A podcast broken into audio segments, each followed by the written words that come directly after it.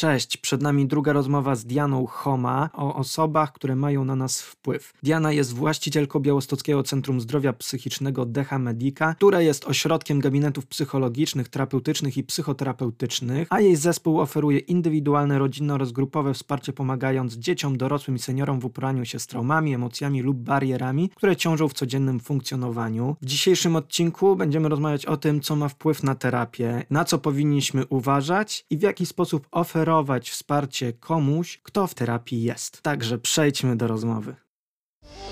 Cześć, słuchasz Nie Będąc Sobą Ekstra. Nazywam się Patryk Tarachoń i zapraszam Cię do rozmowy z gośćmi o podejściu do siebie, otoczenia i wyznaczaniu sobie życiowych celów. Pamiętaj o zasubskrybowaniu podcastu i włączeniu powiadomień, aby otrzymywać odcinki przed innymi. Nie przedłużając, zaczynajmy rozmowę z gościem.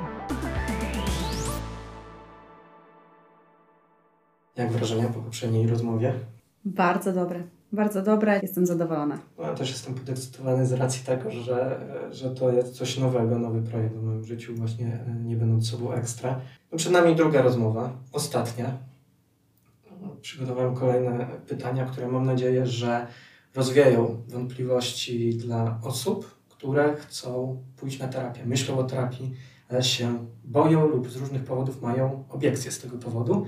Więc spróbujmy ich przekonać, że to nie jest taki zły pomysł, mhm. że to nie jest też aż tak kosztowne, biorąc pod uwagę fakt, że dużo się tem, dzięki temu można zyskać, co myślę, że udało nam się wskazać w poprzednim odcinku. No i dzisiaj osoby, które mają na nas wpływ. I zaczynając. Czy to mit, że najczęściej obwinia się matki o swoje niepowodzenia, problemy z psychiką i emocjami? Nie jest to mit. E, ponieważ faktycznie jest tak, że najczęściej obwinia się najbliższych, czyli albo matkę, albo ojca.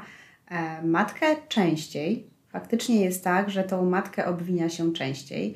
Natomiast nie jest to mit wyssany z palca, jakby gdzieś tam faktycznie jest tak, że największą rolę na kształtowanie się e, osobowości, na kształtowanie się charakteru, no, temperamentu nie, bo temperament jest, temperament jest niezmienny, Natomiast no, na kształtowanie się człowieka ma matka i ojciec i najbliższa rodzina. O co najczęściej oskarża się matki? O brak obecności emocjonalnej, o mm, nadużywanie przemocy, o krzyk, o zbyt y, wygórowane oczekiwania, o taką potrzebę kierowaną wobec dziecka, żeby dziecko przejęło na przykład funkcję partnera, męża albo funkcję opiekuna do młodszych dzieci. To są takie oskarżenia, które padają gdzieś tam najczęściej w gabinecie. Na terapii pojawiają się osoby najczęściej z jakichś trudnych rodzin, czy nie tylko? Absolutnie. Jakby do, do gabinetu psychologa trafiają osoby, które czasami mają kryzysy zawodowe, mają e, jakieś trudności życiowe, mają trudności związkowe. Są też takie osoby, które faktycznie mają takie problemy, trudności, które ciągną się już latami i ta przyczyna leży ewidentnie w rodzinie bądź też w jakiejś dysfunkcji Natomiast to nie jest tak, że e, pomoc psychologiczna jest kierowana tylko do osób, które są z bardzo głębokimi trudnościami i potrzebują naprawdę intensywnego wsparcia. Ja też tak sobie myślę tutaj, że warto jest powiedzieć o tym, że pomoc psychologiczna i w ogóle korzystanie z takiej formy pomocy nie jest tylko dla osób chorych i zaburzonych. To jest kluczowe, dlatego ja też wielokrotnie i we wcześniejszym naszym odcinku i w rozmowie z osobami, które do mnie trafiają, używam e, zamiennie, ewentualnie tych dwóch słów razem klient-pacjent, ponieważ nie każda osoba, która e, trafia do mnie do gabinetu, jest chora, jest zaburzona i wymaga procesu leczenia, są pewne osoby, które wymagają na przykład tylko konsultacji. I ta konsultacja absolutnie nie dotyczy kwestii zaburzenia, trudności głębokiej. I wtedy taka osoba, która przychodzi jest to klient, a nie pacjent, ponieważ no, ja poprzez e, słowo pacjent rozumiem osobę, która wymaga procesu, podjęcia procesu zdrowienia. Natomiast nie każdy, kto trafia tutaj do gabinetu, jest pacjentem są też klienci. Ja, ja w ogóle śmieję się, e, że kiedyś wymyślę słowo, które jest odpowiednie, ponieważ ani pacjent, ani klient nie jest słowem, które mnie jakoś satysfakcjonuje, ponieważ no... Na kliencie chcesz zarobić, a pacjent jest chory. Dokładnie. No, klient, gdybym sprzedawała choinki, to miałabym klienta, tak? Natomiast e, no, jak pracuję w szpitalu, jest to logiczne, że to jest pacjent, bo przychodzi z jakąś diagnozą. E, takie słowo jeszcze nie powstało, więc może będę pierwsza, które, która gdzieś tam takie może słowo wymyśli. Załatwmy coś. Ten w, właśnie to, co w ostatnim odcinku, też w poprzednim odcinku wybrzmiało, tak myślę, jeżeli nie, to teraz dopowiemy. Psycholog, psychiatra nie jest przyjacielem, ale z drugiej strony buduje się z nim relację mhm. taką, żeby było to zaufanie, żeby to był dialog, rozmowa. Czyli na zasadzie jest to pewien sposób przyjaciel, tylko taki, z którym jakiś rodzaj dystansu jednak jest. Jest to relacja, której nie da się w jeden sposób opisać. Więc tutaj też ten pacjent, klient, to też jest y, bardziej definicja, nazewnictwo, bo w praktyce fakt płaci się za ten czas, ale są tutaj też jest relacja i jest tutaj pewność, że inwestujemy w siebie. To, że osoba, która z nami tę terapię, te spotkania, rozmowy odbywa, ma ku temu lata inwestycji w to, żeby być tutaj i pomagać tak jak powiedziałeś, że psycholog czy psychiatra, akurat w przypadku psychiatry, to trudno jest zbudować taką bliską relację i tak zaawansowaną relację, ponieważ te spotkania zazwyczaj są dość krótkie i te spotkania ograniczają się do tego, żeby zdiagnozować taką osobę, pokierować i, i gdzieś tam ewentualnie dopasować leczenie. Natomiast w przypadku psychologa i psychoterapeuty faktycznie ta relacja jest, e, ja bym to nawet nazwała intymna, ale nie intymna w kontekście seksualnym, tylko intymna w kontekście relacyjnym, ponieważ ja intymność, i tak mnie też uczono, widzę jako taką bardzo bezpieczną przestrzeń. Czyli przestrzeń, w której jest miejsce na, na wszystko. Jest miejsce na trud, na śmiech, na płacz, na y, strach, na złość. I zwierzanie się z tego, co jest, y, czego się nie powiedziałoby każdemu. Oczywiście, i to jest intymność. I żeby taką intymność zbudować, no to musi być relacja. Jalom o tym bardzo pięknie mówi. Jest to psychoterapeuta, który jest moją wielką inspiracją, jest moim autorytetem. E, mówi o tym, że Cały proces terapeutyczny opiera się na dwóch elementach. Opiera się na wiedzy merytorycznej, to jest jedno, e, i na relacji. Ta relacja jest kluczowa e, i, i jakby bez relacji nie ma terapii. Bez relacji może być wsparcie psychologiczne, bez relacji może być rozmowa, natomiast bez relacji nie ma terapii, nie ma psychoterapii i to jest ważne. Ważne jest e, właśnie to, żeby klient, pacjent o tym wiedział. Nawet jeżeli ja go nazywam klientem, to w dalszym ciągu jest to osoba, z którą buduję relację terapeutyczną, więc no, te dwa określenia są takie stawiające mur. Natomiast nie ma innych, których mogę używać. W języku polskim jest dużo takich e, określeń, które no, niestety się używa, bo nie zna się innych. Najczęściej te inne nie są znane, albo ich po prostu nie ma. Dokładnie tak jest, także mm, ja tutaj to zawsze precyzyjnie też tłumaczę. Zresztą chyba nie ma elementu, którego nie tłumaczę klientom podczas pierwszego spotkania wszystko e, gdzieś tam, czego dotykam, o czym mówię, jest e, zawsze bardzo mocno i jasno wytłumaczone. Te określenia także. Myślę, że moi klienci, pacjenci czują się bezpiecznie, nawet jeżeli używam tych określeń. Mają świadomość, czym, z czym to się wiąże. Jak wejść w związek lub być dobrym rodzicem, aby swoją niestabilnością, blokadami lub emocjami nie obarczać najbliższych?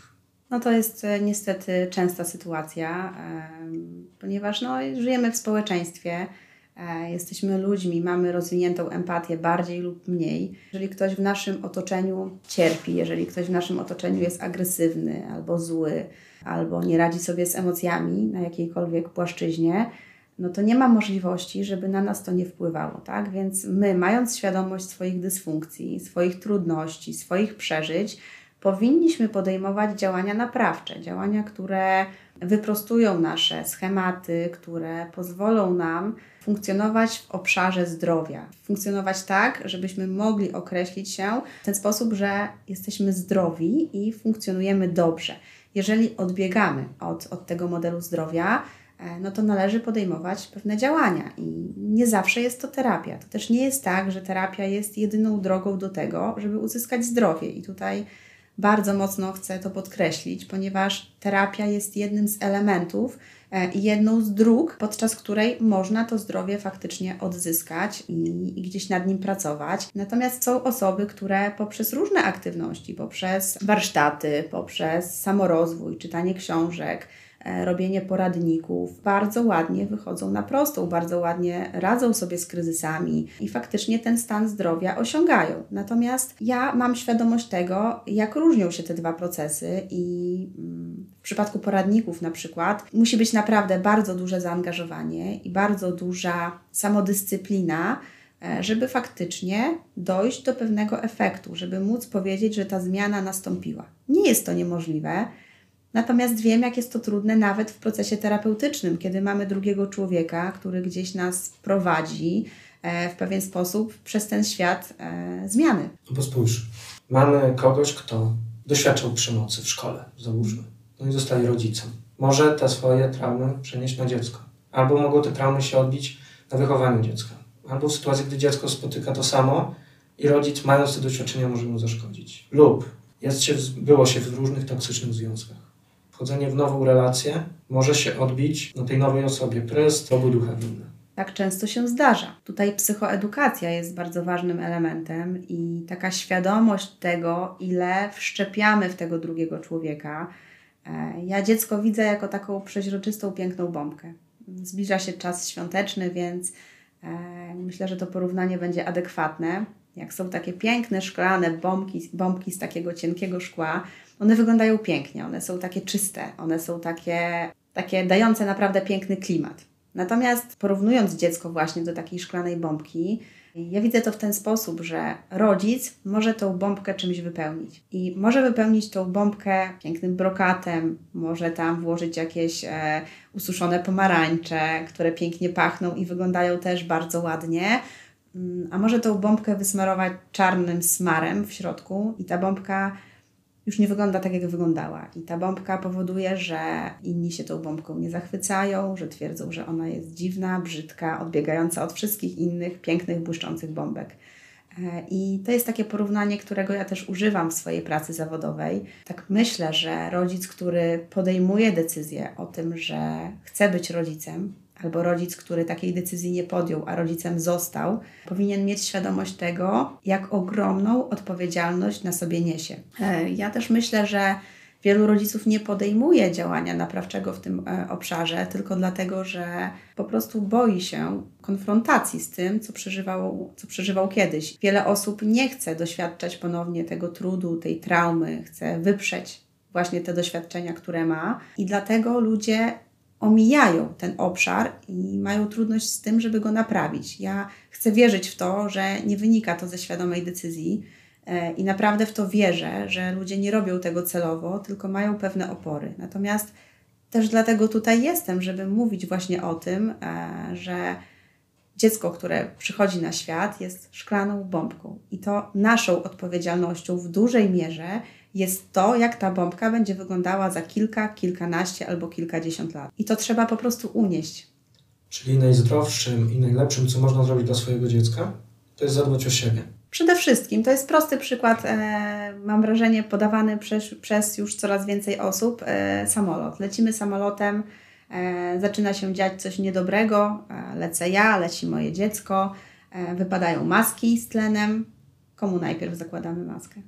Sobie sobie. A dlaczego zakładamy maskę najpierw sobie? Tylko dlatego, że jeżeli założymy tą maskę sobie, to będziemy mieli siłę, energię i jakby możliwość założyć tą maskę też dziecku, które nie będzie wiedziało samo, co ma z tym zrobić. Także najpierw e, dbamy o siebie, najpierw zaspokajamy swoją potrzebę, najpierw leczymy siebie, tylko po to, żeby później móc założyć maskę komuś innemu i faktycznie pomóc temu dziecku, wesprzeć je, towarzyszyć mu w procesie życia. Zdarzają się y, pacjenci, klienci, którzy przychodzą, siadają i mówią: Wchodzę w związek, w nową relację, ale mam takie i takie doświadczenia z przeszłości, a nie chcę tej nowej osoby w swoim życiu skrzywdzić. Pomóż mi. Tak, bywają takie osoby i zawsze uśmiecham się wewnętrznie, nie zawsze zewnętrznie, natomiast w środku zawsze gdzieś tam czuję radość bo to świadczy o, o świadomości, o odpowiedzialności, o dość wysokim poziomie wiedzy na temat tego, co jesteśmy w stanie wnieść w relacje, co może być korzystne, co może być krzywdzące i to jest zawsze piękna przestrzeń do pracy. Z taką osobą podejmujemy właśnie działania naprawcze w kontekście zmiany schematów, zmiany nawyków, e, umiejętności rozumienia drugiej strony. Dużo też tutaj poświęcamy na komunikację, bo komunikacja jest jednym z najważniejszych elementów, jeżeli chodzi o relacje, o związek.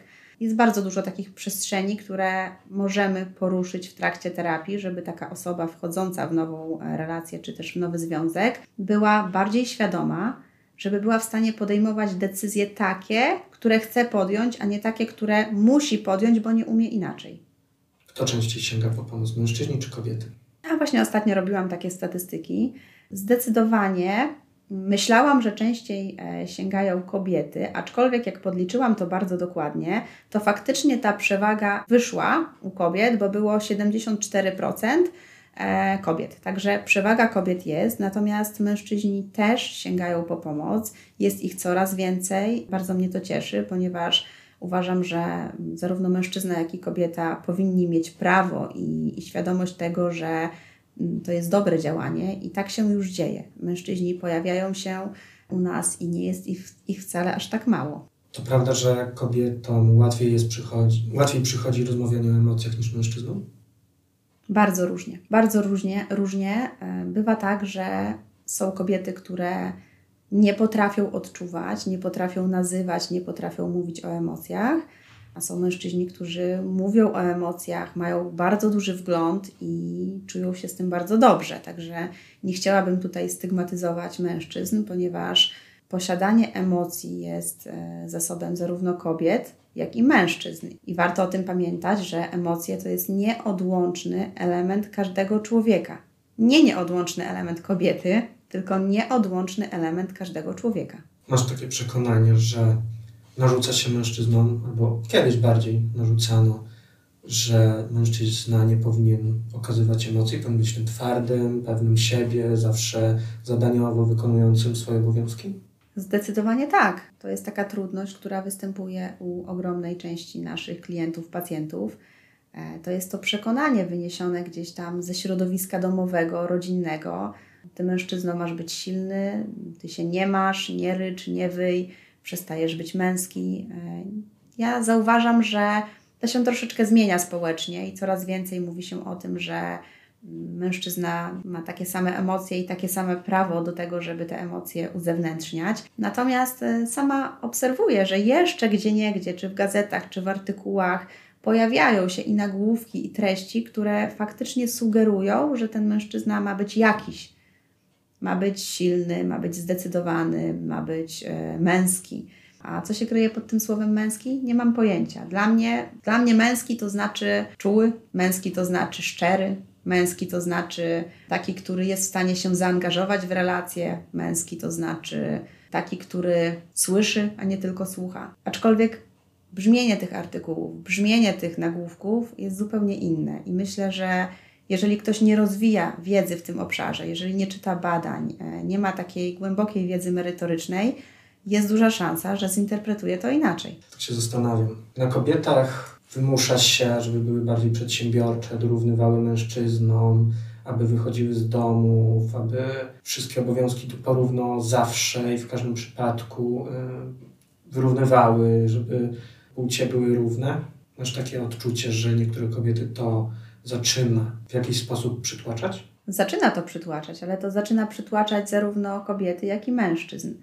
To są takie skrajności, ponieważ ten podział ról, który był kiedyś, jest bardzo krzywdzący. Jest krzywdzący zarówno dla kobiet, jak i krzywdzący dla mężczyzn i przede wszystkim dla dzieci. Jeżeli dzieci pojawiały się w takim systemie rodzinnym, to były dzieci, które już z góry narażone były na brak ojca. I, jakby rola matki to była rola kury domowej, która zajmowała się dziećmi, zajmowała się domem, zajmowała się ogniskiem domowym, a mężczyzna polował, zarabiał, gdzieś tam przynosił te pieniądze do domu.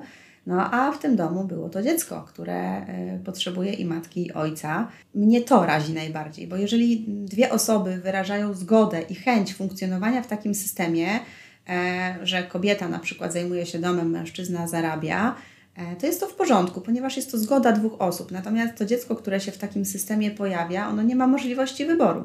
I to jest dziecko, które często jest pozbawione ojca, bo ten ojciec pełni rolę mm, osoby nieobecnej emocjonalnie, a osoby, która na przykład ma przynosić pieniądze. Więc to było skrajne, a to, co się dzieje teraz, też zaczyna być skrajne, bo faktycznie nie każda kobieta chce rozwijać się zawodowo, nie każda kobieta chce pełnić funkcję dyrektora i jakby realizować się w tym obszarze.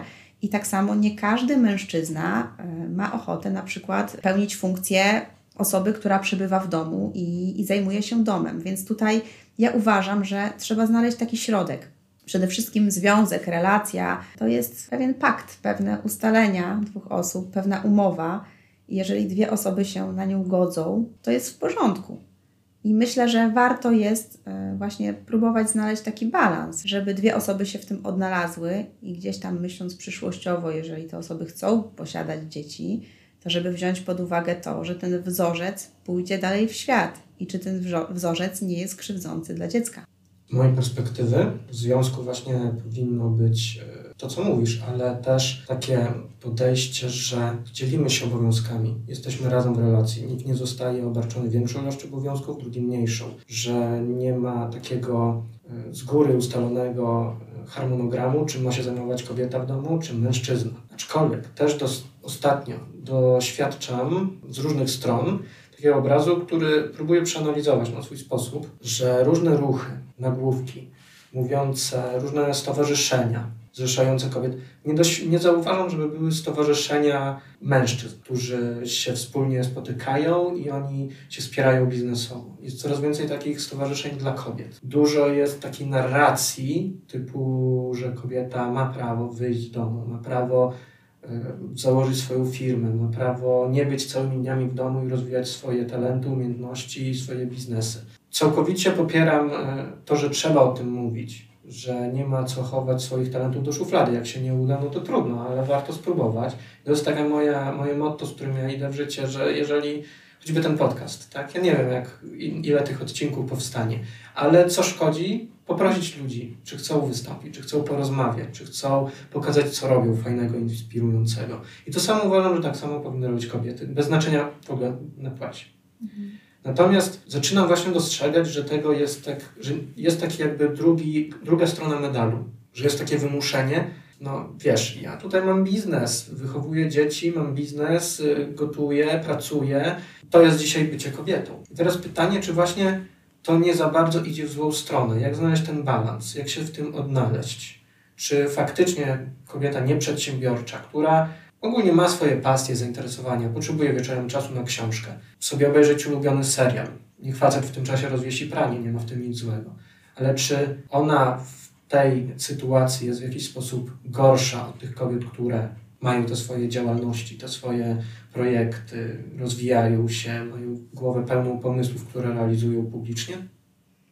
Wiesz co, nie ma takiego modelu, do którego moglibyśmy odnieść dobrą kobietę i jakby dobrego mężczyznę. Wszystko, co my uważamy, opiera się na czymś, na przekonaniach społeczeństwa, bardzo często na przekonaniach naszej rodziny. Ani ta kobieta, która realizuje się zawodowo, nie jest lepsza od tej, która się nie realizuje, ani ta kobieta, która realizuje się domowo, nie jest lepsza od tej, e, która realizuje się zawodowo. Nie ma jakiegoś modelu. Ja uważam, zgodzę się z Tobą, że faktycznie jest duży nacisk na kobiety, jest duży nacisk na to, mm, żeby kobiety wychodziły, żeby kobiety e, przełamywały pewne bariery, ale tak jak powiedziałam wcześniej, w mojej ocenie Wynika to z tego, że ten podział ról i to zamknięcie w domu było mocno nakierowane na kobietę. Jakby wynika to z tego, że jakby ludzie zbyt mało poświęcili uwagi na analizę, że to się już zaczęło zmieniać. I te komunikaty brzmią tak, jak gdyby miały brzmieć do sytuacji, która, która była kilkadziesiąt lat temu. Te, te komunikaty już teraz nie są do końca adekwatne. One nie są dostosowane do tego, co dzieje się w dzisiejszym świecie. One miały sens jakiś czas temu.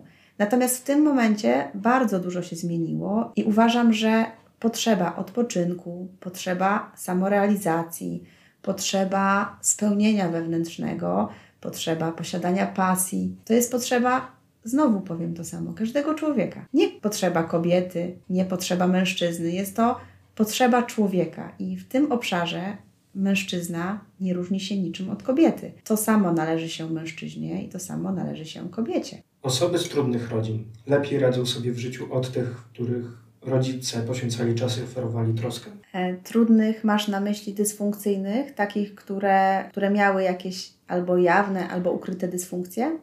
Wiesz, mam konkretny obraz przed oczami, który mhm. widziałem na podwórku, gdy byłem mały. Typu moi rówieśnicy z wózkami, bo rodzice sobie balują w ogródkach. Tutaj jest taki element, który chcę poruszyć na pewno, ponieważ to nie jest zasada.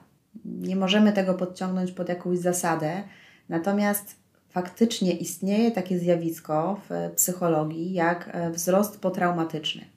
Natomiast żeby ten wzrost potraumatyczny nastąpił, musi być trauma. Mamy traumy e, ukryte i mamy traumy e, jawne. Są traumy, które spowodowane są takimi wydarzeniami, które nie były widoczne, wydarzeniami, które były e, niewielkie, które dotyczyły często osób najbliższych, traumy, które są spowodowane gestami, słowami, czymś, czego na pierwszy rzut oka nie widać. I takie traumy generują zazwyczaj zaburzenia osobowości, i szereg innych dysfunkcji. No i mamy też traumy, które są bardzo duże, traumy, które są często nagłym, niespodziewanym wydarzeniem, śmierć osoby bliskiej, śmierć dziecka, widok wypadku. I te traumy bardzo często powodują zespół stresu pourazowego. E, w dzisiejszym świecie nadużywa się troszeczkę słowa trauma, natomiast trauma jest to bardzo e, ściśle określone e, zjawisko, wydarzenie, sytuacja, która gdzieś tam w pewnych klasyfikacjach jest sztywno określona. I teraz osoby, które doświadczyły traumy, tutaj podkreślam, nie trudności, a traumy, mają możliwość doświadczenia później wzrostu potraumatycznego. I już tłumaczę, czym ten wzrost jest. Wzrost potraumatyczny polega na tym, że w momencie, kiedy mamy proces życia, mamy traumę, czyli mamy taką dużą, dużą pochyłą w dół i następuje proces wychodzenia z traumy proces zdrowienia. I ten proces zdrowienia polega na tym, że my wracamy do tego poziomu, w którym byliśmy przed traumą.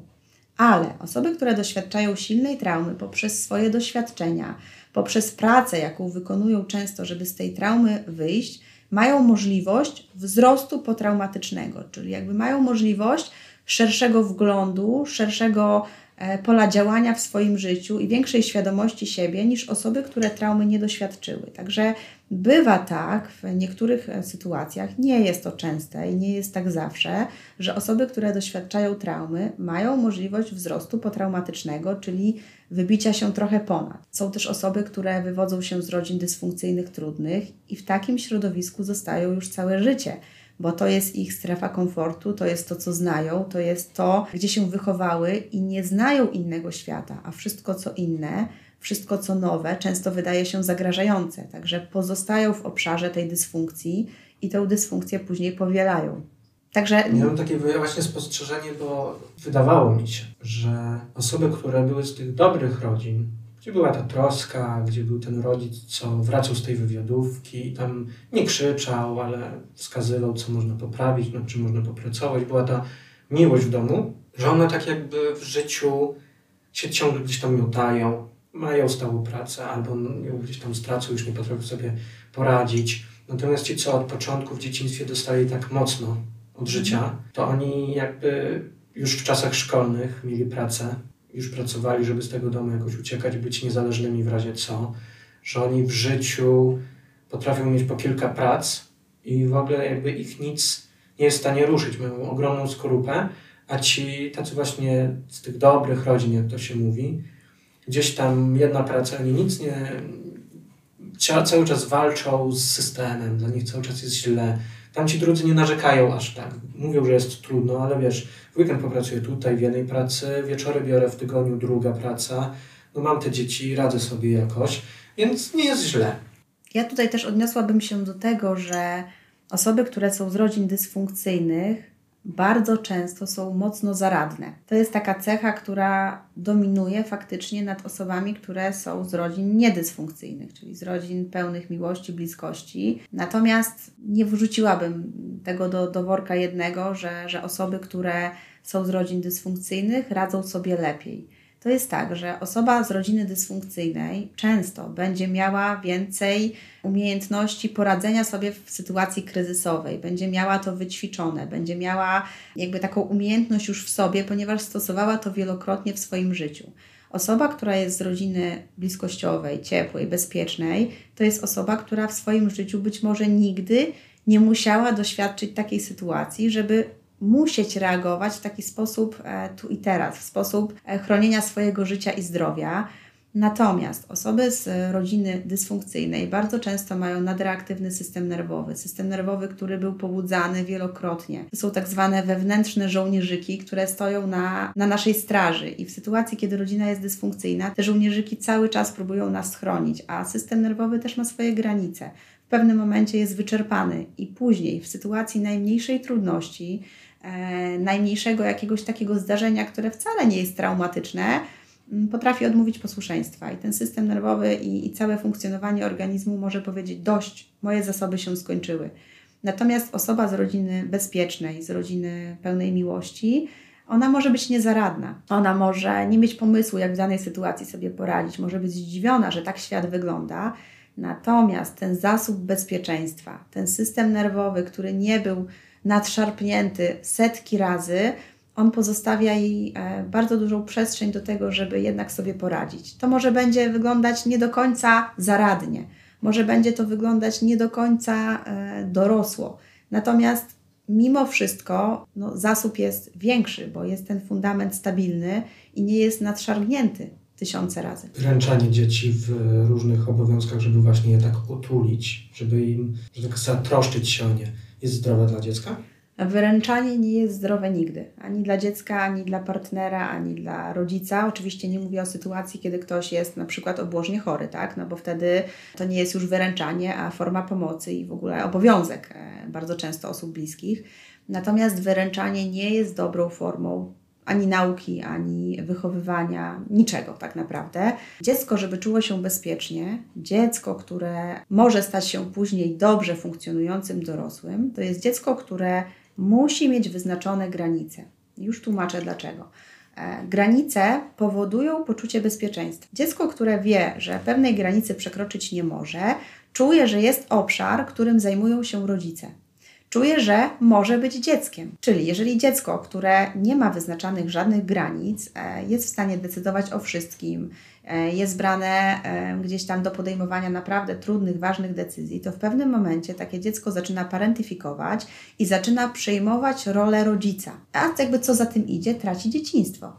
A żeby stać się dobrze funkcjonującym dorosłym, trzeba być najpierw dzieckiem. A dzieci, które stają się za szybko dorosłymi i ten okres dzieciństwa nie jest wystarczająco długi, bo na przykład nie było żadnych granic, e, no to później są niezbyt dobrze funkcjonującymi dorosłymi. W których strefach można od dziecka wymagać albo na przykład pozostawiać jakąś część obowiązków dla dziecka, nawet takich małych, a którą lepiej, żeby rodzice brali na siebie i nie wciągali w to dzieci. Bardzo dobrze jest dopuszczać dzieci do, do decyzji, ale tutaj nie dawać przestrzeń na to, żeby dziecko podjęło decyzję za nas, tylko dopuścić, dopuścić dziecko do możliwości gdzieś tam przedstawienia swojej perspektywy. Czyli w momencie, kiedy wybieramy kolor ścian w całym mieszkaniu, możemy z dzieckiem porozmawiać o tym, co nam się podoba, co się podoba dziecku, natomiast ostateczna decyzja należy do nas. Ja wybieram białą ścianę, ponieważ wtedy jest więcej oświetlenia w pomieszczeniu, pomieszczenie wygląda jaśniej i jakby taka jest nasza decyzja. Natomiast aranżację kącika w pokoju dziecięcym możemy zostawić dziecku, ponieważ dziecko będzie tam mieszkało i dziecko też powinno mieć umiejętność w życiu dorosłym podejmowania decyzji. Także decyzje, które są znaczące, e, decyzje, które jakby dotyczą systemu rodzinnego, dotyczą finansów, dotyczą e, rzeczy dużych, nigdy nie powinny zostać jakby zrzucone na dziecko. Natomiast dziecko zawsze powinno mieć możliwość wyrażenia swojej opinii. Oczywiście, o ile nie jest to sytuacja zagrażająca, czyli na przykład, nie wiem, awantura rodziców, no to nie dopuszczamy dziecka do awantury rodziców, prawda, żeby wyraziło swoją opinię. Natomiast w sytuacjach takich um, życiowych, takich codziennych, jak najbardziej dziecko powinno uczyć się wypowiadać swoje zdanie, uczyć się wykształcać w sobie taką potrzebę tego, żeby ktoś mnie wysłuchał. Bo jeżeli my nie będziemy słuchać dziecka przez 15 lat, to później to dziecko stworzy związek, w którym też nie będzie słuchane. Są sprawdzone techniki, dzięki którym możemy reagować na życiowe wyzwania? Są sprawdzone techniki, które e, mogą nas wspierać w życiowych wyzwaniach, które mogą powodować, że będzie nam łatwiej zachować równowagę psychiczną, które e, spowodują, że ten kryzys może nie będzie aż tak głęboki. Natomiast no, nie są to techniki, które w 100% są skuteczne. One są wspierające, one są pomagające w wielu trudnościach, natomiast y, ich skuteczność nie jest stuprocentowa. Podczas terapii można poznać te techniki lepiej i dostosowane do nas. Tak, podczas terapii też można y, te techniki poznać.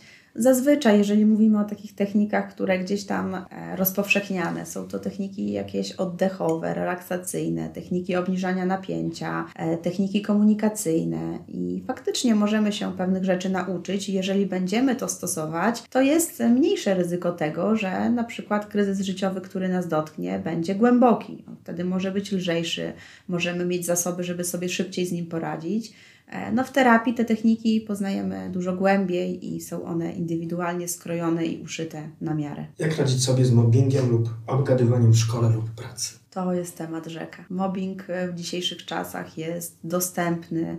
Mobbing jest na wyciągnięcie ręki, jest e, wręcz narzędziem komunikacyjnym pewnej części e, społeczeństwa. I staje się to problem na bardzo szeroką skalę w dzisiejszym świecie, kiedy ludziom, nie tylko młodym, ponieważ mobbing e, stosują nie tylko osoby młode, ludziom wydaje się, że w internecie są anonimowi, że mogą wszystko i nie będą mieli żadnych konsekwencji, no to skala tego problemu rośnie. Uważam, że w sytuacji, kiedy jest sytuacja mobbingowa czy przemocy takiej psychicznej, zawsze należy e, takie sytuacje zgłaszać po to są służby, po to są odpowiednie instytucje, żeby reagować, żeby takie osoby y, gdzieś tam wyłapywać i faktycznie, żeby te osoby były pociągane do odpowiedzialności za swoje czyny. Tak naprawdę w przypadku dzieci samo powiedzenie dziecku zgłoś mi, jeżeli coś Cię będzie boleć w szkole, jeżeli ktoś Cię będzie krzywdzić, nie wystarcza, ponieważ dziecko musi mieć wystarczająco bezpieczną relację z rodzicem, żeby móc z takim problemem do niego przyjść. Także jeżeli chcemy zapobiegać e, takim sytuacjom w szkole, które niosą naprawdę e, czasami śmiertelne konsekwencje, no to skupmy się na tym, żeby zbudować prawidłową relację z dzieckiem, żeby ono czuło się na tyle bezpiecznie, żeby nam to zgłosić. My jesteśmy taką pierwszą drogą kontaktu. Jeżeli dziecko doświadcza mobbingu, przemocy, no to powinno przyjść do rodzica, powinno przyjść to zgłosić, a rodzic powinien interweniować. Mm, sposobów interwencji jest wiele z moich obserwacji w takim mobbingu w pełnym tego słowa znaczeniu, żadne rozmowy, proszenie nie przynosi efektu. Tutaj po prostu e, należy zgłaszać to odpowiednim służbom, które tym tematem się zajmują, bo problem jest na ogromną skalę i jeżeli będziemy to bagatelizować, będziemy ten problem pogłębiać, a co za tym idzie, trudności z zakresu zdrowia psychicznego E, będą się także szerzyć. Mm, ostatnio, jak rozmawiałem z poprzednim gościem, mieliśmy taką małą, e, sprzeczne argumenty dotyczące tego, jak sobie właśnie radzić z e, tak zwanym bullyingiem rówieśniczym, przemocą rówieśniczą. Moja przyjaciółka twierdziła, że odpowiadanie agresją na agresję nie jest rozwiązaniem, z czym się zgadzam, aczkolwiek ja doświadczałem przemocy z, jako chłopak. I w pewnym momencie jakiekolwiek schodzenie z drogi to było już za mało. W momencie, w którym ktoś, kogo ja nawet nie znałem ze szkoły, podchodził i, za, i widać było, że jest ode mnie mniejszy, słabszy i że nieśmiało próbuje sprawdzić, czy sobie pozwolę, wymogło na mnie przyciśnięcie chłopaka do muru i zagrożenie mu. I nauczyło mnie to, żeby sobie radzić z, z tym tylko w taki sposób. Ja oczywiście i w swoich książkach, e-bookach, ćwiczeniach wskazuje, że jednym z rozwiązań, które ja stosowałem, było zmierzenie się z przeciwnikiem. Z racji tego, że nie umiałem się bić, byłem słabszy od wielu chłopaków. Mniejszy, słabszy, mniej, wago, mniej wagowy, w ogóle mniejszy wzrostowo. Brałem pod uwagę walki na śnieżki, e, ściganie się do jakiegoś punktu. No ale niestety w większości było to wykorzystywanie też kompleksów przeciwników, wyśmiewanie nadwagi, skoro u mnie wyśmiewano niedowagę. Z perspektywy psychologa, rodzica, e, pedagoga, bo też rozmawialiśmy, że, że masz w tej e, przestrzeni wykształcenie, wiedza, doświadczenie. Czy są sytuacje, w których jesteś w stanie zaakceptować to, że niestety niektóre z tych e, rzeczy, o których powiedziałem, mają jakiś rodzaj zastosowania? Mówisz o przemocy, mówisz o... O bronieniu się przed mhm. tym w taki sposób, nie że oko za oko, bo to nie do końca tak to wygląda z perspektywy osoby, która tego doświadcza. Mhm. Na zasadzie w momencie, w którym ktoś mnie wyzywa, obraża regularnie od miesięcy, ja nic z tym nie robię, daję czas, aż to przejdzie, znudzi się przeciwnikowi, bo tak zresztą ro, uczą rodzice, nauczyciele zejdź z drogi, nie odzywaj się, przemilcz. W pewnym momencie daje do zrozumienia, że kurczę, ja dałem przyzwolenie na to, żeby mnie to spotykało. Mhm. I teraz zaczynam też obrażać mniejsze jednostki ode mnie, jakby wytyczać granice tym, którym chociaż mogę.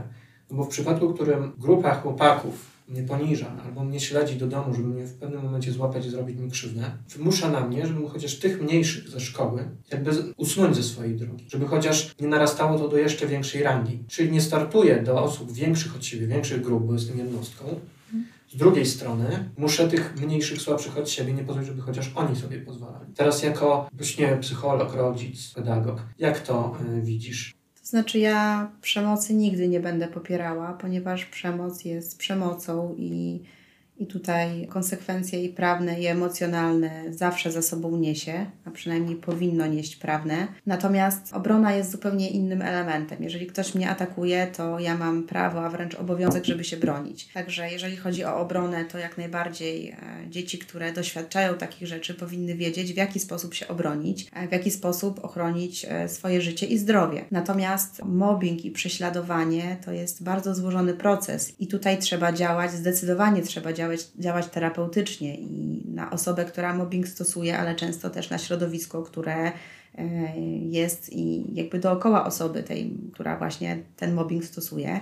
Natomiast ja tak sobie myślę, że tutaj znowu odniosę się do relacji z najbliższymi, do relacji z rodzicami, ponieważ osoba, która doświadcza mobbingu, jest to osoba, która doświadcza także w pakiecie niesamowitej samotności często. Tym elementem, który bardzo mocno osłabia, jest właśnie ta samotność także. Jeżeli możemy wpłynąć na to, żeby osoba, która doświad doświadczyła takiego trudnego e, wydarzenia, jakim jest mobbing, a raczej doświadczenia, może nie czuć się samotna, może czuć wsparcie, może czuć, że stoi za nią szereg osób, które mogą podjąć działanie z różnych obszarów w szkole e, psychoedukacja, wyciągnięcie konsekwencji, e, rozmowy z rodzicami, tak, na przykład przez dyrektora, ze strony rodziców złożenie chociażby takiego wniosku na policję, e, podjęcie pomocy psychologicznej.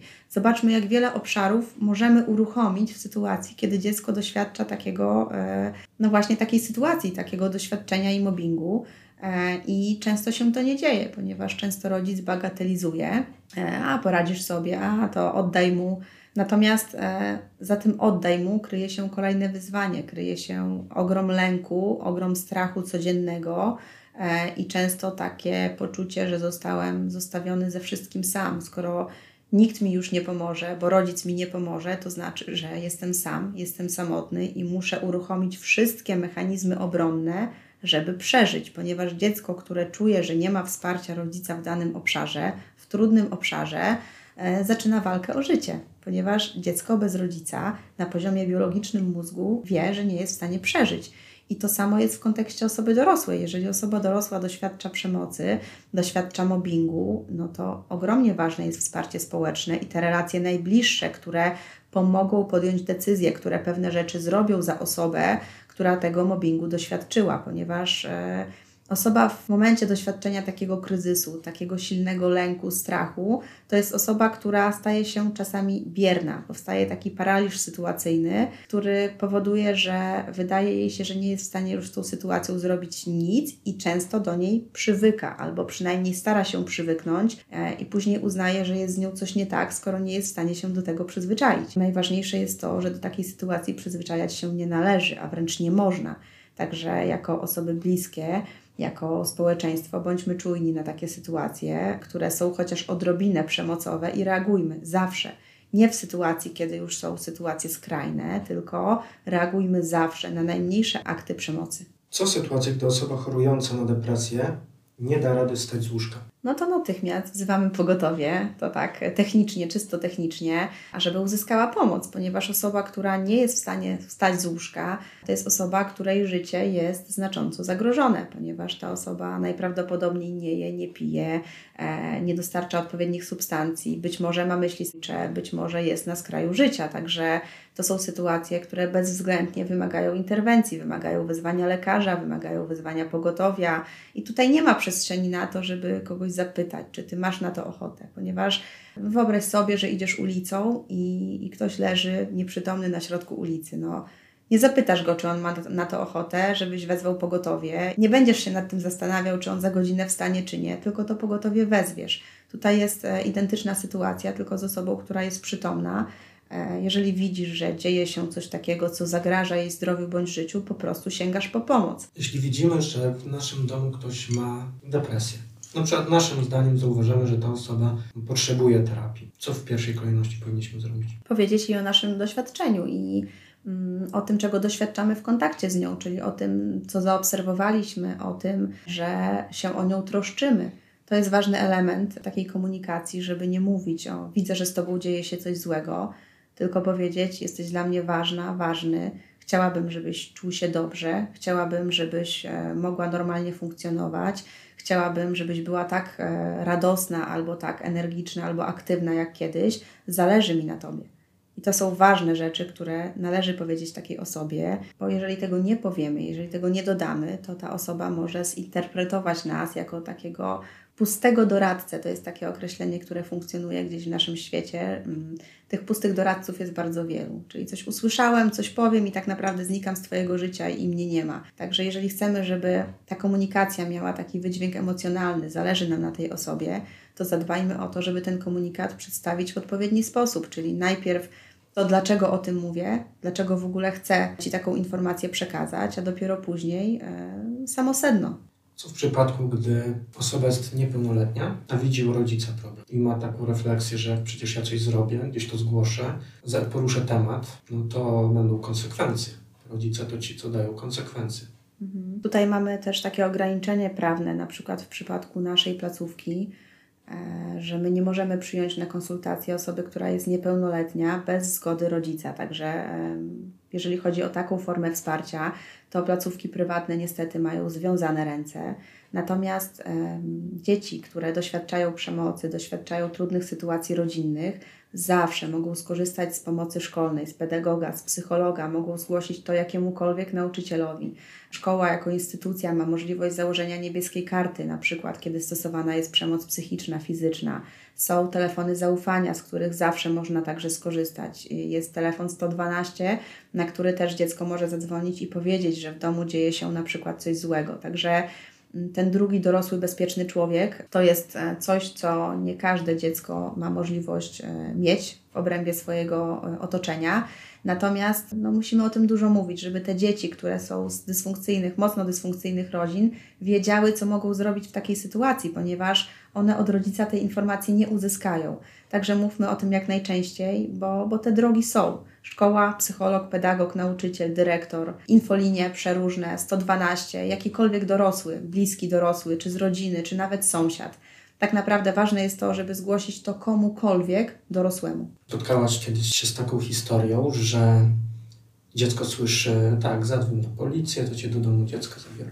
No Donieś na mnie. Oczywiście i to jest jeden z powodów, dla którego właśnie takie sytuacje nie wychodzą na światło dzienne ja bardzo się cieszę, że w szkołach mamy teraz pomoc psychologiczną, ponieważ e, psycholodzy w szkołach bardzo często e, gdzieś tam są czujni na takie sytuacje i sami takie e, osoby gdzieś tam wyłapują, które tej pomocy wymagają. I dopiero później, kiedy ta relacja jest już zbudowana, to mamy potwierdzenie tego, że faktycznie dzieje się źle i reagujemy. Zawsze reagujemy w szkołach. Bynajmniej w mojej szkole tak było, w której pracowałam i nigdy nie dopuszczałam do tego, żeby jakakolwiek sytuacja została pominięta.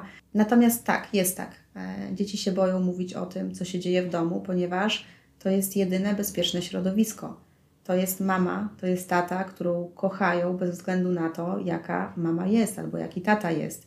E, dzieci nie znają innego życia Dzieci, które się wywodzą z rodzin dysfunkcyjnych, uważają, że mają najlepszą rodzinę, jaka mogła im się tylko przytrafić, i, i jakby nie zabierajmy im tego. I dzieci muszą tak uważać, ponieważ gdyby tak nie uważały, to nie byłyby w stanie żyć. Więc my, jako dorośli, musimy kroki naprawcze podejmować w bardzo ostrożny sposób, e, komunikując tym dzieciom, że to, co się dzieje ich w, ich domu, nie jest e, prawidłowe nie jest dobre i jakby wymaga jakiejś pewnej interwencji, to musi być zrobione w naprawdę delikatny sposób, bo jednym zdaniem y, w 5 minut możemy zabrać dziecku wszystko.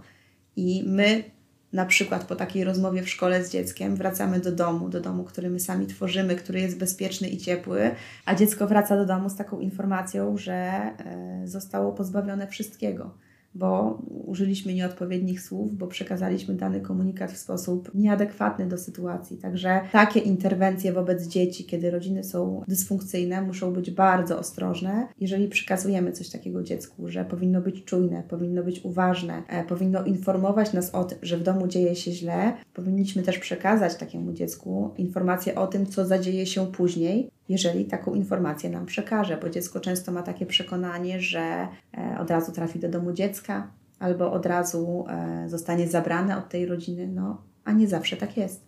Czasem jako alternatywę dla terapii ludzie wybierają coaching. W których przypadkach praca z coachem jest na minus, a kiedy na plus? Hmm. Nie jestem coachem, więc trudno mi się wypowiadać e, za coacha. Natomiast z mojej perspektywy, praca, która, którą wykonuje coach, to powinna być praca, która dotyczy przede wszystkim obszaru osób zdrowych, czyli osoby, które nie mają e, dużych zaburzeń, osoby, które nie mają diagnoz, osoby, które nie pochodzą na przykład z e, rodzin bardzo mocno dysfunkcyjnych. To są osoby, które mogą korzystać e, z pomocy coacha, ponieważ ja coaching widzę jako pracę na zasobach, które w sobie mamy i, jakby które jesteśmy w stanie wydobyć.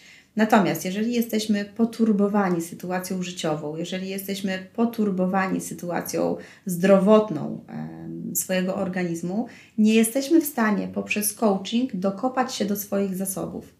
Także z mojej perspektywy jest tak, że osoby, które funkcjonują dobrze, Osoby, które nie doświadczają e, depresji, zaburzeń, to są osoby, które faktycznie mogą korzystać z pomocy coacha na zasadzie rozwoju, e, na takiej zasadzie e, miejsca, w którym będą mogły mm, się rozwinąć, będą mogły mm, dowiedzieć się może o sobie czegoś nowego, ciekawego, znajdą strategię na to, w jaki sposób osiągnąć sukces zawodowy, jak wzmocnić samodyscyplinę na przykład.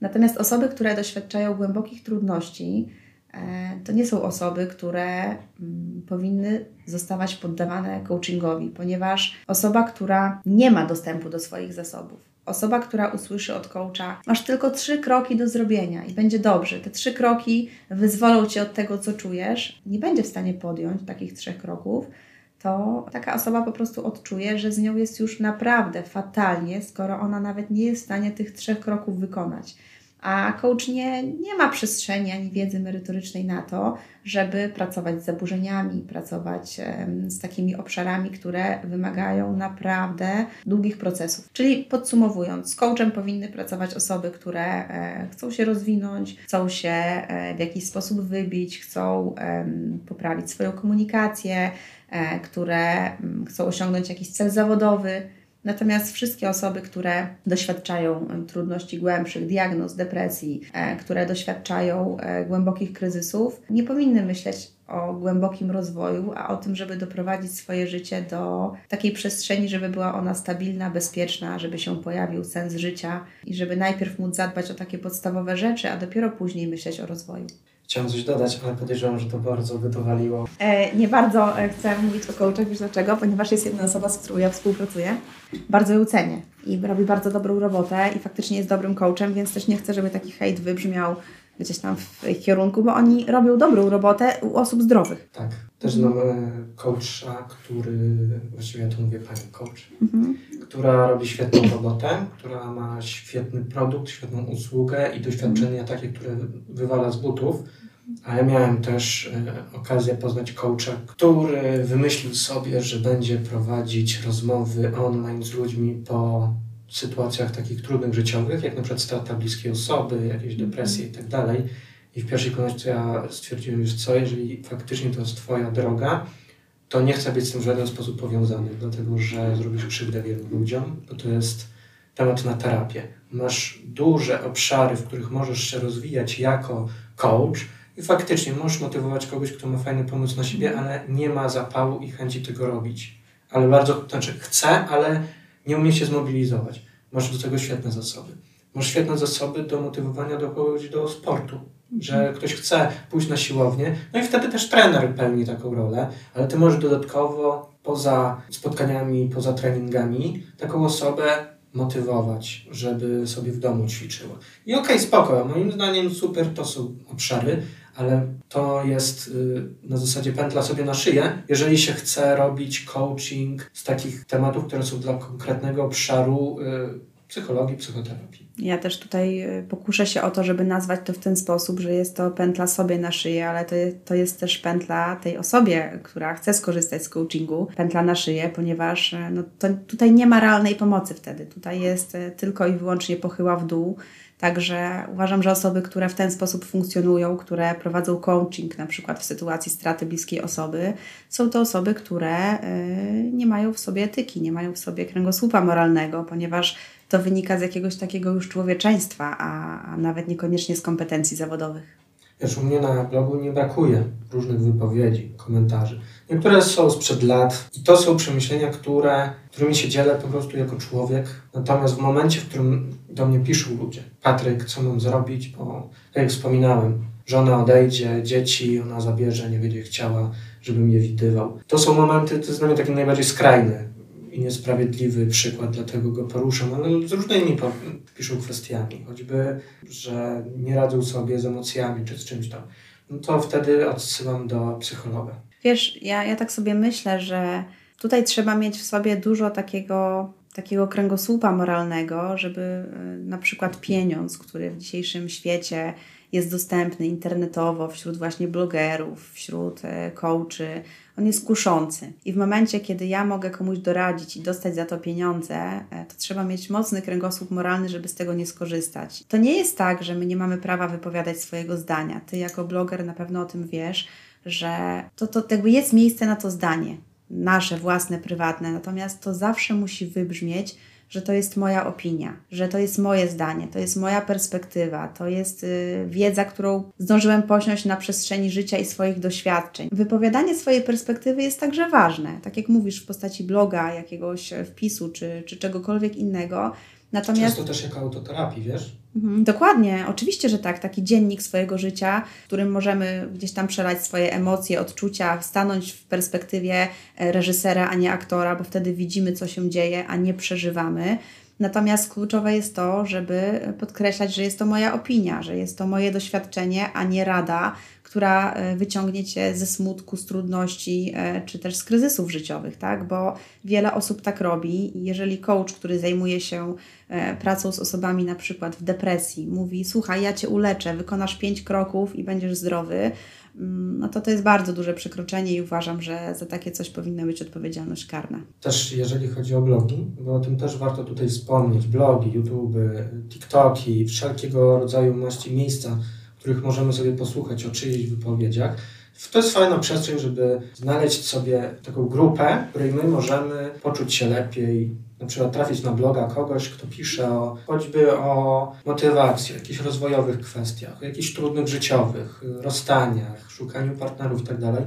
Wszystko fajnie. Fajnie mieć takie miejsce w internecie, w którym możemy wejść na czyjąś stronę, sobie poczytać, wypowiedzieć się, ale nie zapominając, że to jest taki element wsparcia w tym, sobie się pocieszenia w pewien sposób, podniesienia się na duchu. Ale jeżeli potrzebujemy częściej takiego miejsca, w którym my odwiedzamy, dyskutujemy, to dobrze jest udać się do psychologa, nawet żeby sprawdzić, czy jest problem i przestrzeń do pracy nad tym. Ale tak naprawdę oprócz tego, że mamy tą swoją przestrzeń, w której możemy z kimś kogoś poczytać, pooglądać, pocieszyć się tym, że no w sumie inni też mają tak jak ja albo doświadczyli tego samego, to nie zwalnia z tej terapii. E, ja tutaj jako taki wyznacznik e, podałabym taki przykład. W sytuacji, kiedy mamy jakieś trudności, my szukamy bardzo różnych metod na to, żeby sobie z tym kryzysem poradzić.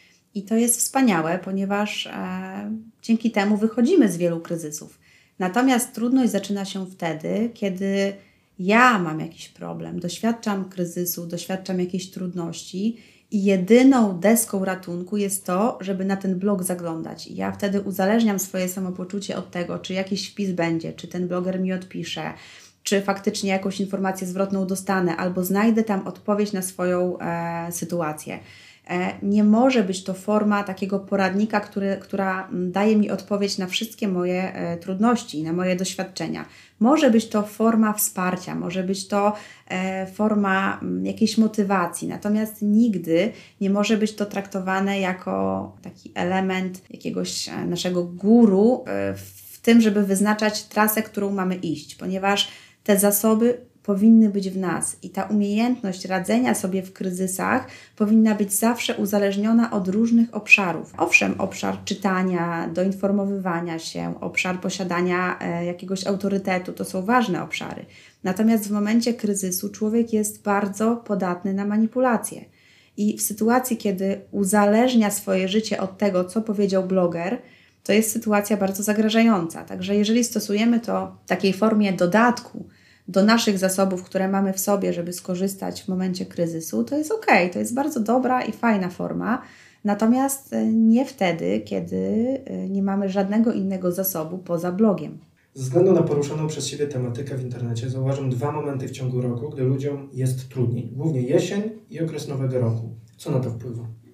E, jeżeli chodzi o jesień, to wpływa na to przede wszystkim pogoda. Wpływa na to to, że nie mamy witaminy D, to, że nie jesteśmy narażeni gdzieś tam na narażeni, nie mamy możliwości korzystania e, z promieni słonecznych, e, a jesteśmy narażeni na to, żeby być w ciemnym, e, zimnym miejscu, jakim jest właśnie podwórko w takiej porze roku. Pogoda, która jest deszczowa, pogoda, która jest nieprzyjemna, bo jest chłodna, jest plucha, jest niefajnie, powoduje, że my podejmujemy dużo mniej aktywności. E, mniej spotykamy się ze znajomymi, bo w sumie to trzeba się ubrać, trzeba się przygotować, trzeba się wysuszyć odpowiednio. I to nas troszeczkę oddziela, stawia taką barierę, taki mur między nami a osobami bliskimi. Druga sprawa jest taka, że bardzo wcześnie robi się ciemno. I jak jest ciemno, e, no to ludzie już często czują dużo większe zmęczenie. Ten mózg ma taki sygnał, ok, robi się wieczór, więc już pora gdzieś tam się wyciszać i kłaść do spania. Dodatkowo tutaj też takim ważnym elementem jest to, że My tak społecznie deszcz rozumiemy jako nostalgię. E, jest deszcz, to automatycznie pojawia nam się taki obraz smutku w głowie często. Zresztą pracując z dziećmi, jeżeli pytam, co im przypomina smutek, to często mówią deszcz. Więc e, faktycznie jest tak, że symbolicznie nas, nasz mózg może tak to czytać, że ta pora to jest pora smutku, a dodatkowo jak dołożymy do tego brak witaminy D, dużo mniejszą aktywność na świeżym powietrzu, e, w ogóle dużo mniejszą aktywność społeczną, i przede wszystkim dużo więcej czasu w domu, to mamy takie kombo, które powoduje złe samopoczucie, ponieważ osoby, które są w kryzysach, które na przykład trudno radzą sobie z samotnością, które doświadczają takiej nieumiejętności bycia samemu ze sobą, to są osoby, które są narażane w takiej sytuacji na ogromny stresor, e, na zmierzenie się z czymś, co jest dla nich najtrudniejsze. Jeżeli chodzi natomiast o okres nowego roku, to jest tutaj też kilka czynników, które są znaczące. Przede wszystkim jest to okres, który pokazywany jest wszędzie w mediach, w sklepach, w filmach jako czas piękny, rodzinny, wesoły, wspierający. Jesteśmy razem, śpiewamy kolendy, dzielimy się opłatkiem, jest cudownie. E, I następuje taka duża konfrontacja z tym, co dzieje się w życiu. Osoby, które doświadczają kryzysów rodzinnych, zawodowych, kryzysów związkowych, to są osoby, które mają trudność w tym, żeby wejść w bliską relację z drugim człowiekiem. Kiedy naoglądamy się tych wszystkich pięknych obrazków, e, jest nam trudno później pogodzić się z tym, jak wygląda rzeczywistość. I, I to jest taka konfrontacja, która pokazuje nam czasami samotność, która pokazuje nam właśnie dysfunkcje rodzinne, która pokazuje, że zamiast kolęd mamy na stole. To jest taka przestrzeń, która konfrontuje z życiem. W pędzie kiedy pędzimy do pracy, do szkoły. My nie chcemy tego widzieć często, więc e, wielu osobom się to udaje, żeby to wyprzeć, żeby tego nie dostrzec. Natomiast czas świąteczny to jest czas, kiedy wszystko jest zamknięte i widzimy tylko to, z czym na co dzień się konfrontujemy. Jeżeli jest to trudne, jeżeli jest to dla nas bolesne, to to nie może być przyjemne, więc ten okres właśnie depresyjny, okres smutku, okres trudnych doświadczeń, dlatego jest tym okresem właśnie w czasie świąt, ponieważ wtedy musimy się z tym skonfrontować. Nowy rok, nowy ja.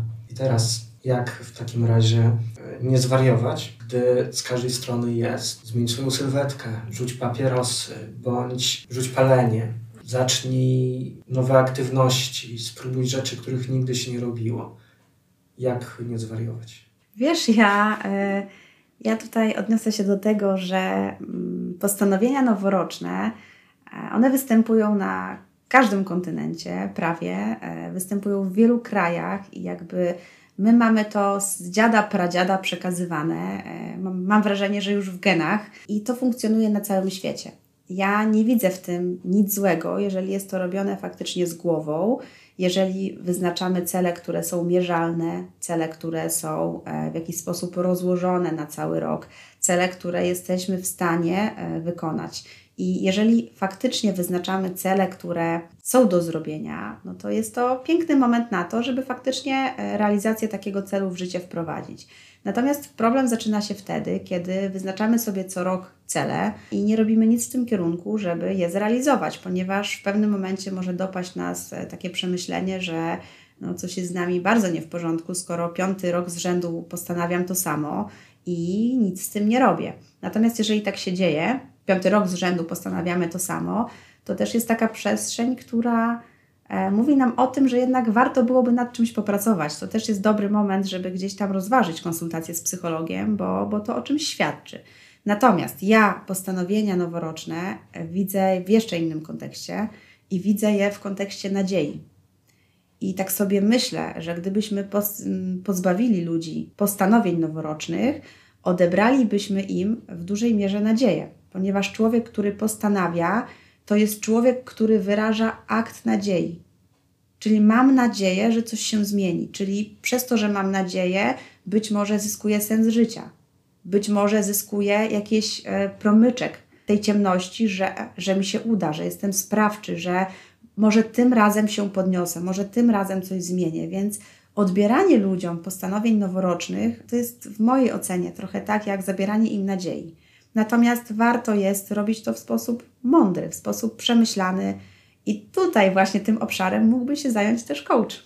Ja wychodzę z tego założenia, że nie robię postanowień noworocznych. Jeżeli jest coś do zrobienia, robię to od razu. To też wynika z takiego trochę uciekania przed własnymi e, blokadami, barierami, problemami. Tak po prostu mam, że wolę zaczynać tu i teraz.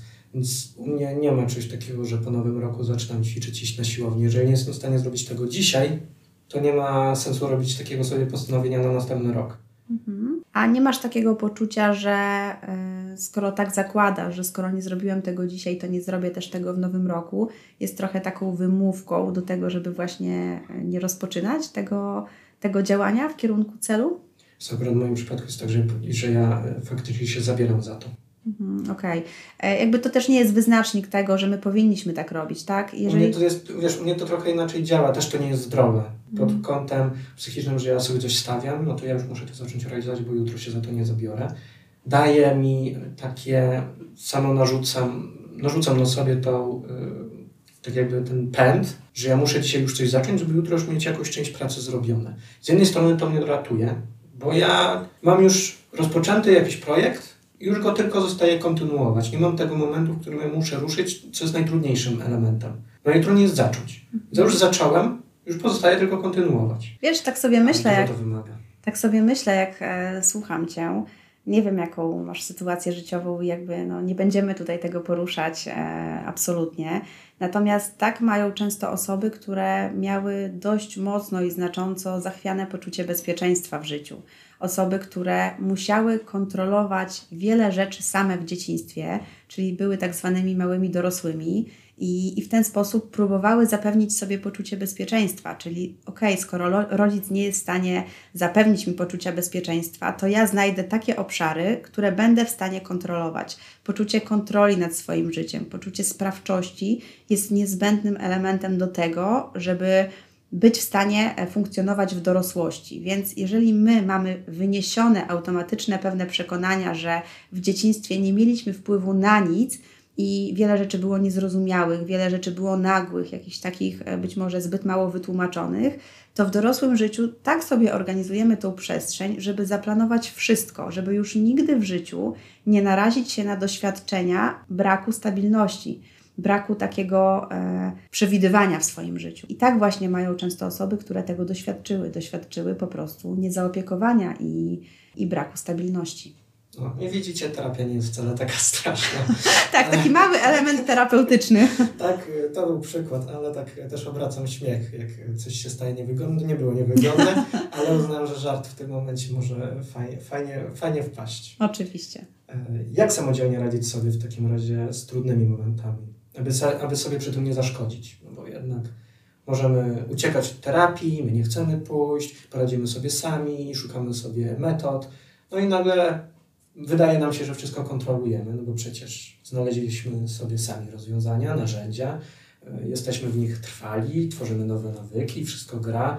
E, już nasze lęki są takie mniejsze, no bo już się umiemy e, mhm. o tych lękach je tak jakby odpierać, odpychać, więc w sumie wszystko gra. No i teraz czemu to nie gra? Już samo chyba to pytanie już mówi, że coś tu nie mhm. gra. Nie?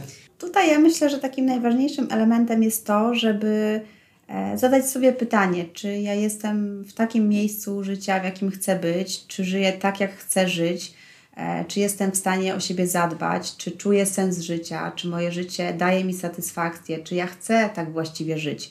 E, I to są takie najważniejsze pytania, które gdzieś tam e, są w stanie zweryfikować taką przynajmniej podstawę tego, czy wymagamy pomocy, czy nie. Są też różne inne zaburzenia, na przykład narcystyczne, które bardzo często dla osoby, która doświadcza tego zaburzenia, jest prawie nie do wykrycia, ponieważ te osoby nie, nie dopuszczają do siebie w ogóle możliwości, że coś może być nie tak. I tutaj jest ważne to, ażeby reagowało środowisko, ażeby reagowali bliscy. Ale nie w taki sposób, bo ty jesteś narcyzem, tylko w taki sposób jesteś dla mnie ważny i chciałabym się umieć na przykład z Tobą komunikować, albo chciałabym, żebyś był w stanie mnie wysłuchać i, i nie wiem, mieć chociaż przestrzeń na autorefleksję. Więc w sytuacji, kiedy czujemy, że nasze życie nie jest takie, jakie chcielibyśmy, żeby było, jeżeli komfort i jakość życia są znacząco zaniżone, jeżeli mamy poczucie odizolowania, odrealnienia, jeżeli czujemy, że dzieje się coś nie tak, ale nawet nie potrafimy tego nazwać, bo człowiek nie musi umieć nazwać tego, z czym się mierzy. Po to są właśnie specjaliści. To udajmy się po pomoc, ponieważ e, to, co my czujemy w sobie wewnętrznie, to, co słyszymy też ze świata zewnętrznego, ale największe sygnały są w nas, więc jeżeli coś w nas krzyczy, jeżeli co drugi dzień boli nas głowa, a wszystkie choroby neurologiczne są wykluczone, to jest sygnał. To jest sygnał z ciała, który mówi o tym, że coś się dzieje. Jeżeli mamy myśl, która wraca do nas 30 razy dziennie i myśl dotyczy tego samego, to znaczy, że coś się dzieje, skoro sama nie jestem w stanie sobie z tą myślą poradzić.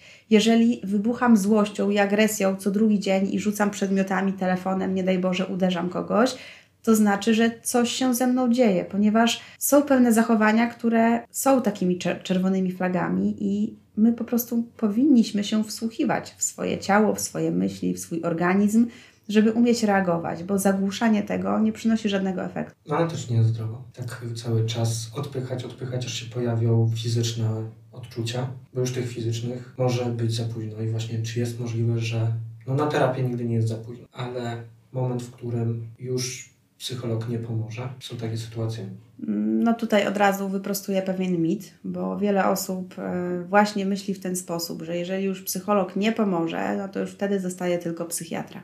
Nic bardziej mylnego, e, ponieważ często jest tak, że psycholog jak najbardziej widzi przestrzeń do pracy, ale jednocześnie zaleca na przykład wizytę e, psychiatryczną, czy to w kontekście diagnozy, czy w kontekście decyzji o wprowadzeniu farmakologii. I taka decyzja na przykład o wizycie psychiatrycznej e, nie jest absolutnie odzwierciedleniem tego, na ile ta sytuacja jest już zła, ponieważ my, jako specjaliści z zakresu zdrowia psychicznego, działamy często w jednym momencie z różnych stron. E, to jest troszeczkę tak jak na przykład kwestia choroby kolana. Dzieje się nam coś z kolanem, no i bierzemy zastrzyki przeciwzapalne, ale jednocześnie chodzimy na rehabilitację, prawda? No bo tutaj musimy stan zapalny zniwelować, No a podczas rehabilitacji musimy gdzieś tam to kolano przystosować z powrotem do funkcjonowania. Tak samo jest tutaj. E, jeżeli my na przykład odsyłamy kogoś do e, lekarza psychiatry, to nie dlatego, że już jest tak bardzo źle, tylko dlatego, że e, chcemy po prostu mieć jeszcze wgląd na to z innej strony. Chcemy, żeby człowiek został zdiagnozowany, żeby wykluczyć pewne rzeczy, ponieważ nasz zakres dotyczy psychologii, nie psychiatrii. Dlatego też wspieramy się innymi obszarami. Mm, odnosząc się jeszcze do, do sedna pytania, e, są takie sytuacje, kiedy pomoc psychologiczna w danym momencie gabinetowa może być niewystarczająca. Czyli na przykład przychodzi klient, który jest w bardzo ciężkim stanie psychicznym, fizycznym i spotkania raz w tygodniu w gabinecie e, to jest po prostu za mało i w tym momencie e, takiej pomocy się nie udziela w takiej formie, a zalecany jest szpital, możemy wezwać pogotowie, bądź też sugerujemy jakieś inne ścieżki, które są działające na korzyść klienta, pacjenta, ponieważ w tym momencie, działając terapeutycznie raz w tygodniu, mogłabym mu zaszkodzić, a nie pomóc, bo jest to zbyt mała częstotliwość i być może dany klient-pacjent wymaga holistycznej opieki, czyli zespołu specjalistów, który w danym jednym momencie będzie nad tym pracował. Nie wszystkie symptomy, żeby to też tak nie, nie wybrzmiało i nie zabrzmiało, że nie wszystkie symptomy wymagają pomocy psychologicznej, bo my jako ludzie będziemy doświadczać smutku, będziemy doświadczać złości, będziemy czasem doświadczać e, poczucia bezsensu chwilowego, zmęczenia. To się może pojawiać. Natomiast tutaj takim elementem, mm, który może być wyznacznikiem, jest czas. Jeżeli ja jestem zła przez chwilę, bo przed chwilą była sytuacja, która mnie zdenerwowała, to ta złość jest ochronna, ta złość jest pożądana, ponieważ w takiej sytuacji złość mnie chroni, bo złość mi o czymś mówi. Mówi mi o tym, że ktoś przekroczył moją granicę, w jakiś sposób nie skrzywdził, zrobił coś, na co ja nie wyrażam zgody. Wyobraźmy sobie sytuację, że ktoś stoi przede mną, mm, pluje mi w twarz, a ja nie czuję złości. Ja wtedy nie wiedziałabym totalnie, że, że coś się złego zadziało, że ktoś przekroczył moją granicę i ta złość jest ochronna.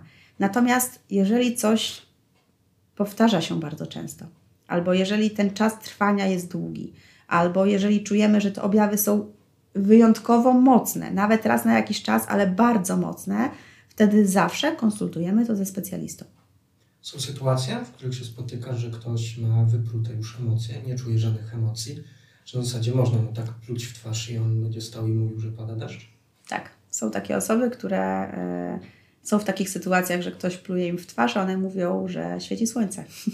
Także. Y, o czym to świadczy? To może świadczyć o bardzo wielu rzeczach i tutaj znowu nie będę sugerować, ponieważ jeżeli zasugeruję, że świadczy to o czymś, to teraz każda osoba, która słucha tego podcastu, E, jeżeli e, stwierdzi, że o, ja nie mam teraz emocji, albo ja tych emocji nie odczuwam, albo nie wyrażam, e, za chwilę poczuje, że została zdiagnozowana, a nie na tym to polega. Natomiast takie sytuacje powinny być konsultowane, ponieważ człowiek to jest istota złożona bardzo mocno i jednym z elementów właśnie człowieka są emocje. Także jeżeli one nie funkcjonują, albo my ich totalnie nie odczuwamy, albo są nadmierne, warto to skonsultować. Natomiast nie zasugeruję, o czym to może świadczyć. świadczyć. Przepraszam. No, jest to właśnie dlatego o to dopytuję, bo to jest istotne, że w internecie mamy masę specjalistów, masę artykułów i czytamy artykuł, dlaczego ja nie czuję żadnych emocji. No i tam jest wyszczególnione kilka punktów, my sobie podpisujemy akurat pod te punkty, co do nas pasuje w sumie faktycznie, ostatnio spotkało mnie to, w życiu mam takie takie doświadczenie, więc w sumie wszystko grano, bo tu jest napisane, że to stąd, więc już znam problem, znam przyczynę, żyję sobie dalej. To nie jest w porządku. Wobec siebie trzeba pójść na terapię. E, szukanie pomocy w internecie jest zagrażające, bo faktycznie, kiedy, nie wiem, kłuje nas w klatce piersiowej, nie możemy nabrać oddechu, no to będziemy czytać o tym, jaki jest objaw zawału i będziemy czekać do ostatniego tchu tak naprawdę, żeby się diagnozować, czy wezwiemy pogotowie. No, w mojej ocenie wezwanie pogotowia jest najlepszym możliwym e, wyborem w tym momencie. I tak samo jest w przypadku zdrowia psychicznego. Jeżeli czuję, że już nie jestem w stanie radzić sobie sam, że te metody, z których korzystam, one nie przynoszą efektu, bo człowiek powinien podejmować sam działania, różne, bo, bo mamy różne zasoby. Jedni pójdą na spacer przysłowiowy, bardzo nie lubię tego przykładu, za chwilę się też do tego odniosę. Inni pójdą na basen, jeszcze inni zaczną, nie wiem, czytać książki. To jest jakiś element wsparcia, ale to nie jest forma leczenia. To nigdy nie może być jedyną formą leczenia. To może być elementem wsparcia, natomiast nigdy nie jedyną drogą.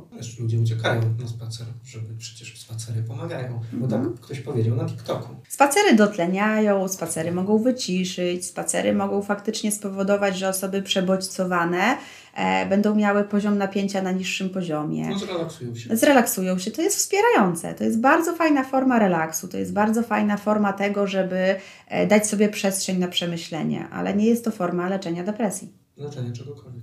leczenia czegokolwiek. Nie spodziewałem się, że będzie to tak płynęło. Tak e, spokojnie. Ja na zasadzie jestem pod wrażeniem talnym, bo po Twoich odpowiedziach nie przychodzą mi za bardzo nowe pytania do głowy. Ale to jest chyba, chore. słuchaj, ale to jest dla Ciebie niekorzystne, ale dla mnie to jest chyba dobre. Tak, no, no tak, no, bo ja nic nie muszę dopytywać. Wszystko jest jak najbardziej pewne.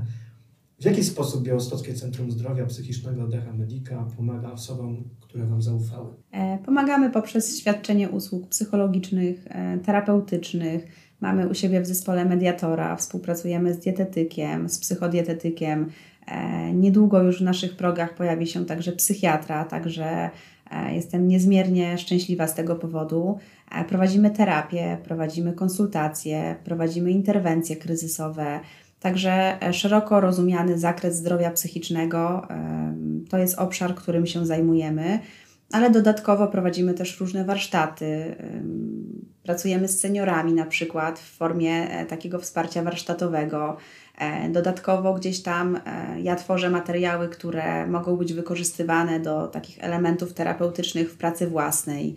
Mm, Nagrywam podcasty, jest to też gdzieś tam początek e, mojej przygody, więc jest mi bardzo miło, że mogę to zrobić w Twoim towarzystwie. Dodatkowo organizujemy dni otwarte, na przykład, bądź też takie wydarzenia, które mają umożliwić osobom, e, różnym osobom z różnymi potrzebami, możliwość skontaktowania się ze specjalistami. W naszym centrum taki dzień otwarty najbliższy będzie 13 stycznia 2024 roku i jest to dzień, w którym wszyscy, cała nasza załoga, czyli moja ukochana załoga Decha Mediki, będzie czekać i służyć swoją wiedzą, pomocą, konsultacją i wsparciem. E, Za darmo.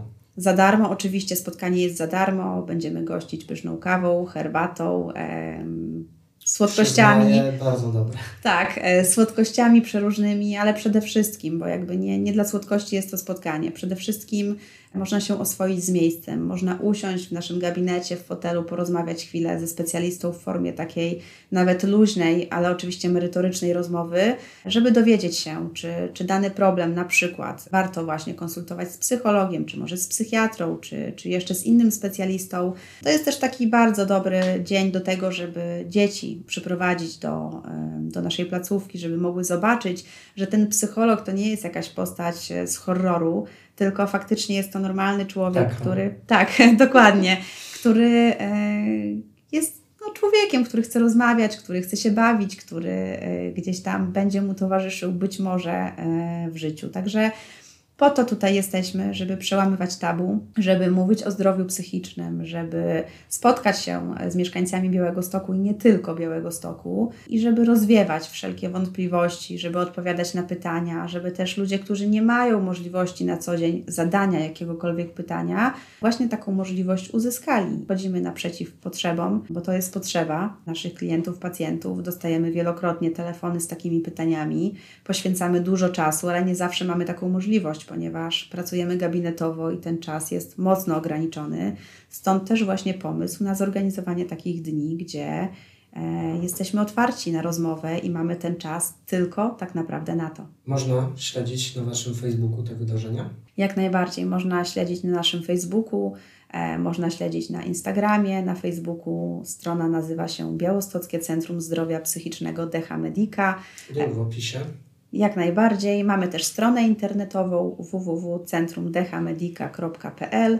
E, Tam są wszelkie informacje zawarte. Zawsze można też przydzwonić do naszej rejestracji, która udzieli z wielką radością na pewno informacji e, na temat wydarzenia i nie tylko. Także no, jesteśmy obecni w mediach, bo, bo wiele osób szuka tej informacji gdzieś tam też w, w obawie przed e, spotkaniem nowej osoby, więc oswajają się z naszym miejscem, oswajają się z naszymi e, twarzami poprzez właśnie e, internet. Dziękuję Ci bardzo za rozmowę. Było przesympatycznie. Myślę, że wielu słuchaczy, którzy myśleli o terapii, znają odpowiedzi na takie najczęstsze pytania, najczęstsze obiekcje, wiedzą na czym już to polega i mam nadzieję, że zdecydują się skorzystać z terapii w swoim mieście, że się odezwą do Ciebie. Jak coś, wszelkie namiary, tak jak mówiłem w opisie. I bardzo Ci dziękuję za tę rozmowę, poświęcony czas. Serdecznie Ci dziękuję również. Mam nadzieję, że wiele osób będzie miało możliwość skorzystania z tej wiedzy. E, jeżeli przyjdą do nas do placówki, to bardzo fajnie, na pewno zostaną zaopiekowani. Natomiast chcę dodać, że pomoc psychologiczna jest takim obszarem, który e, działa także na NFZ. Także jeżeli ktoś ma taką potrzebę, żeby skorzystać e, z terapii w formie NFZ-u, to jest taka możliwość. Kolejki są dość długie, natomiast czas i tak płynie, więc nie chcę, żeby trudności finansowe były jakimkolwiek przeciwwskazaniem do tego, żeby, żeby tej terapii nie podejmować. Także można to zrobić bez kosztów, można to zrobić e, nawet bez nakładów finansowych i do tego zachęcam. A o tym, jak wygląda przyjście tutaj można telefonicznie, można mailowo, są informacje na stronie. Jeżeli są jakieś obiekcje lub ma się pytania, śmiało można się odzywać. Zespół jest przyjazny, jest e, nastawiony bardzo pozytywnie. To mogę tutaj potwierdzić. Mhm. No i słyszymy się w następnych odcinkach. Dzięki. Dzięki. Za nami dwie rozmowy z Dianą Homa, właścicielką Decha Medica, która jest psychologiem, terapeutą i biegłym sądowym. W odcinkach Ekstra opowiedziała o najczęstszych obawach przed terapią i dlaczego tej terapii nie powinniśmy się wstydzić, obawiać oraz odkładać w czasie. A w dzisiejszym odcinku rozmawialiśmy o tym, jaki wpływ mają na nas osoby dookoła, w jaki sposób możemy pomóc komuś w terapii i kwestiach, które przyczyniają się do tego, że tej terapii potrzebujemy. Z tego miejsca dziękuję Dianie za odpowiedź na wszystkie pytania. Dzięki temu spotkaniu sam przekonałem się do terapii i przy okazji chciałbym polecić Białostockie Centrum Zdrowia Psychicznego DH Medica, gdzie pomoc otrzymują osoby dorosłe, seniorzy, ale także dzieci. Pomoc w zakresie traum, emocji lub różnych barier. Strona internetowa i informacje, o których mówiliśmy w odcinkach, dostępne są w opisie, także tam Cię odsyłam. No i zapraszam do subskrybowania, być na bieżąco z kolejnymi odcinkami w Nie Będąc Sobą Ekstra. Do usłyszenia, trzymaj się i cześć.